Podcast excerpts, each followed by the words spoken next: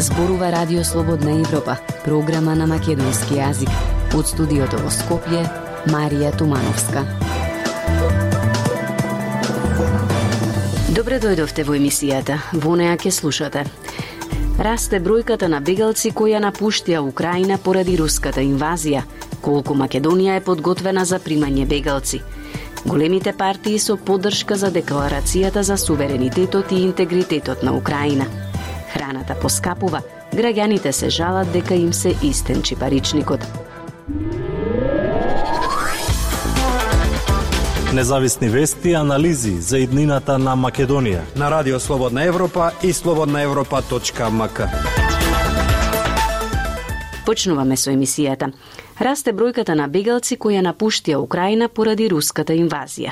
За сега нема конкретни најави за пристигнување на украински бегалци во Македонија, но има граѓани кои веќе понудија помош за луѓето од оваа земја. Јасмина Јакимова на оваа тема. Битола, Северна Македонија, може да прима една жена или жена со дете. Ова е еден од редките македонски постови на Facebook групите креирани од луѓе од Европа и регионот, со цел да помогнат за сместување на илјадниците украински бегалци кои бегаат од војната во нивната земја. Постот го објави битолчанката Ана Митричевска, вознемирена од последните случувања во Украина. Вели дека е подготвена кај неа дома да прими неколку лица од земјата зафатена од војна. Набрзо по објавата на незиниот пост на Facebook била исконтактирана од познаничка од Украина. Сакала да дојде во Битола, но поради долгиот пат и немањето превоз, во последен момент ги сменила плановите. По 12 часа чекање на граница. Конечно ја минала украинската граница и се сместила во хостел во Полска. Но останала отворена поканата да дојде во Битола. И сите сме луѓе, денес сте тие бегалци, утре можеме да видиме ние. Можинац ќе ни треба помош и то тоа лично ме подстигна да пишам.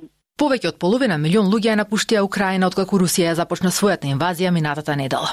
Километарски редици беа формирани на граничните премени со соседна Полска, Молдавија, Унгарија, Романија, Словачка. Пребегани има и во Белорусија. Сепак секој нема дозвола да излезе од земјата. Украинскиот председател нареди општа воена мобилизација по руската инвазија, при што се воведе и привремена забрана за напуштање на земјата за мажите на возраст меѓу 18 и 60 години. Ваквата забрана важи и за медицинарите. За сега Македонија не е на патот на украинските бегалци, како што појаснуваат од Лесија Украинка, Сдружение на украинци во земјава. До нив не стигнале вакви најави, но внимателно ги следат случувањата. И од амбасадата на Украина во Република Северна Македонија за Радио Слободна Европа потврдуваат дека заклучно со 28 февруари немало искажано интерес кај украински државјани, бегалци од руската инвазија, за доаѓање во земјава. За оние кои сакаат да им помогнат, од амбасадата отворија сметка за собирање средства за поддршка на Украина. На сличен чекор се решија од македонскиот Црвен крст, како што појаснува Сузана Тунева Пауновска. Тие се подготвени за прифаќање бегалци од Украина, бидејќи поради бројните бегалски кризи, одамна разработиле систем за поддршка на лицата што имаат потреба од хуманитарна помош, здравствена заштита, психосоцијална поддршка. Во моментот во нашата држава ќе уште функционира балканската рута и покрета што официјално е затворена, што значи дека ние веќе сме присутни на терен и нема потреба нели да градиме некој нов систем, само ќе се апгрейд ке направиме на постоечки. Расположени да пружат помош се и македонските хотелиери, но не по секоја цена. Според проценките на Крста Блажевски, председателот на Хота, околу 10 од 100 хотелските капацитети, односно околу 6000 легла, би можеле да бидат ставени на располагање доколку има потреба за сместување бегалци треба само некој да стои позади тоа, дали државата, дали Европска унија, дали некој, не знам кој, некој ќе треба да стои позади тоа. Значи ние сме спремни да даваме услуги и за такви гости, да кажам. Ситуацијата во Украина во меѓувреме ескалира, а според украинските власти, само во првите три дена од инвазијата имало скоро 200 цивилни жртви, меѓу кои и деца. Слободна Европа. Следете на на Facebook, Twitter и YouTube. Поголемите партии како СДСМ и ВМРО ДПМН ја поддржаа декларацијата за поддршка на територијалниот интегритет и суверенитет на Украина. Документот го поднесе Либерално-демократската партија како осуда на политиките кои го доведуваат во прашање постоењето на европските држави. Деталите од Марија Митевска.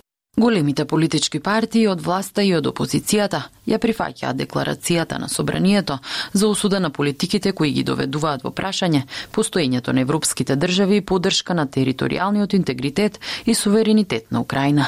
Пратениците од ЛДП ја предложија декларацијата, а пратеничката од партијата Моника Зајкова вели дека е жално што сведочиме за напад на мирот и цивилизација во една европска земја. Декларацијата е за осуда на политиките кои што го доведуваат во прашање постоењето на европските држави и поддршката на територијалниот интегритет и суверенитет на, на Украина. Важно е да се упати пораката дека во 21. век е недозволено да се случува воена агресија, која што доведува до кршење на меѓународното право и доведува до катастрофални загуби на живот и човечко страдање. Таа додава дека и во регионот голем дел од парламентите едногласно усвоиле вакви декларации. Во декларацијата е наведено дека, прифаќајќи го минатото водени од стремежот да се надминат меѓусебните разлики и конфликти на дипломатски начин во насока на заштита на постоењето на сите европски држави и нивната независност, како директен одговор на оние што ја доведуваат во прашање македонската државност и право на постоење, ние претениците на собранието со оваа декларација најостро ги осудуваме политиките што го доведуваат во прашање постоењето на европските држави и се залагаме за обезбедување на поддршка на територијалниот интегритет и суверенитет на Украина. Согледувајќи ја целокупната моментална ситуација во руско-украинскиот судир, препорачуваме Министерството за одбрана да се стави во приправност и силно да го осуди признавањето на делови од Украина за независни држави од страна на Русија. Полагањето право на територии каде што живее руски народ или територии што некој смета дека се неоправдано оделени и не се дел од границите на Русија е веќе еднаш видено сценарио кое се обидел да го реализира Хитлер, анектирајќи Австрија, Чехословачка и Полска, се посочува во декларацијата. Во документот се порачува дека на таквото сценарио треба да му се застане на патот и дека братскиот руски народ не може да биде агресор врз братскиот украински народ. Ако сите во Европа почна да ги прелистуваат историските книги таму каде што некогаш биле границите, ни предстои мошне вознемирувачки период не само во југоисточна Европа, туку на Балканот и пошироко, се додава во документот. Од СДСМ вела дека ја поддржуваат декларацијата. Територијалниот интегритет на Украина го поддржуваме, а војната агресија на Русија против Украина е чин кој што силно го осудуваме. Тоа представува кршење на меѓународното право и е закана за европската безбедност. Воедно граѓаните на нашата земја треба да се мирни, бидејќи како членка на НАТО ние уживаме и можеме да сметаме на заштитата која нуди најмукниот одбранбен сојуз во светот, велат од СДСМ. Пратеникот на опозицијската ВМРО ДПМН и председател на Комисијата за надворешни работи Антонио Милошовски вели дека неговата партија поддржува декларацијата и очекува заеднички документот да се усвои. Дайте ни 15 минути и ние ќе ви го дадеме светот. Слободна Европа.мк Македонските граѓани во јануари годинава потрошиле помалку пари за храна, покажаа податоците на Државниот завод за статистика. Во услови кога цените на храната во јануари биле за 5,5% повисоки од лани, тоа значи дека граѓаните сега купуваат помалку производи. Зорана Гаджовска Спасовска. Испразнати рафтови во големите маркети е сликата која го дочека ставањето во сила на новата владина одлука за ограничување на трговските маржи при продажба на основните прехранбени производи. Од денеска наместо замрзнати цени на храната се воведува нова мерка од која најзасегнати се трговците на големо и мало, како и производителите на храна кои имаат своја дистрибутивна мрежа. Со оваа владина мерка се ограничуваат највисоките трговски маржи на продажните цени на основните прехранбени производи во висина до 5 5% маржа во трговија на големо и до 10% продажна цена во трговија на мало. Во меѓувреме, податоците кои денеска ги објави Државниот завод за статистика покажуваат дека македонските граѓани во јануари годинава потрошиле 1,4% помалку пари за храна, тутун и пијалоци, во однос на истиот месец минатата година. Ако се земе предвид и инфлацијата, реалното намалување на трошоците е за 8,5%. Во услови кога цените на храната во јануари годинава биле за 5,5% повисоки од лани, тоа значи дека граѓаните сега купуваат помалку производи. Многу е тешко. Намирниците, се што е по продавниците, се е начикачено. И сега двоиш. Секој ден го двоиш, го делиш, толку ми е денеска лимит од 300-400. Од Стопанската комора бараат измени на владината одлука во два сегменти – маржата и листата на производи.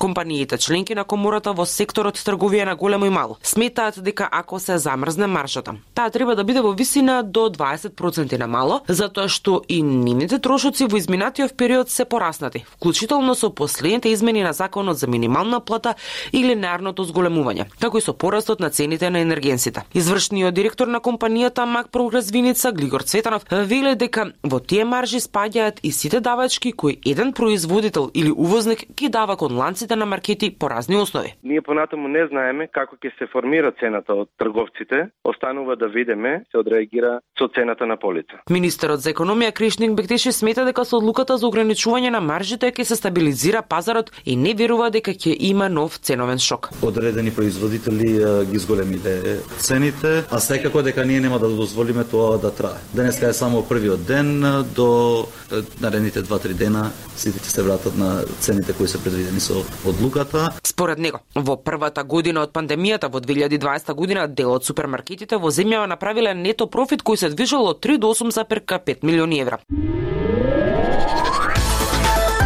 Култура и уметност. На Радио Слободна Европа.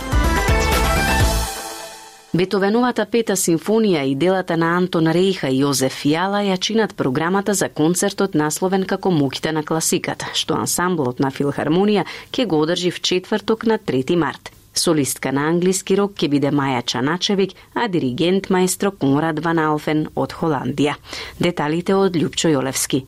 Продолжува серијата на големите концерти во Филхармонија. По магичната премиерна изvedба на Реквием за мојот пријател од Збигњев Прајснер, неговата емотивна посвета на режисерот Кшиштоф Кишловски, оркестарот овој четврток во традиционалниот термин од 20 часот со музика за љубителите на симфонизмот. Концертот е насловен Моќта на класиката и донесува изведби на големи дела. На програмата се симфонија број 5 од феноменот Лудвиг ван Бетовен, сцена и рондо за англиски рок и оркестар од Антон Рейх Рейха и концерт за англиски рок и оркестар од Јозеф Фиала. Солистка ќе биде Маја Ченачевиќ, а диригент маестро Конрад Ван Алфен од Холандија. И по ваквата основна информација, најнапред збор два за изборот. Иако петтата Бетовенова посхитува со својата презентација компактност и извонредна музичка содржина, таа не била создадена во еден креативен импулс на гениот. Дури слови за едно од редките негови дела кое е создавано во подолг временски период. Тој во меѓувреме додека работел на симфонијата број 5, завршил други две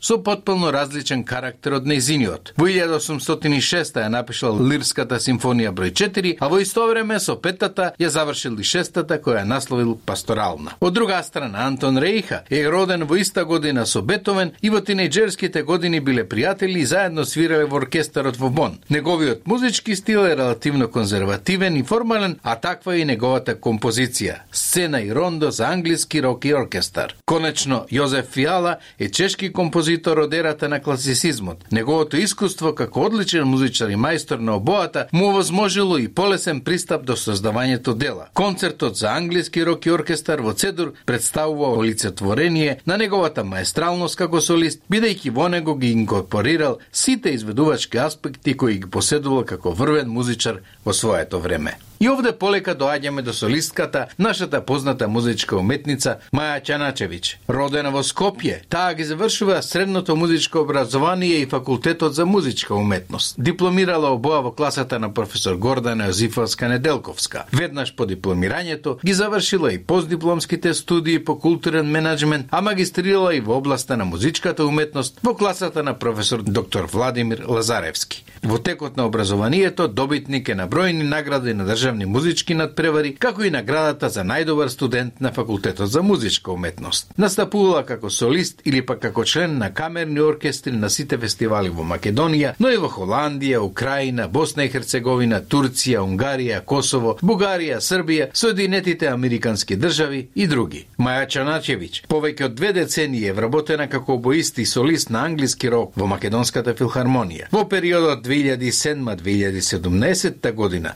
во три мандати мандати беше директор на оваа наша национална установа и за тоа време беа реализирани бројни проекти кои на институцијата го донесоа угледот кој денес го ужива кај публиката и широката културна јавност.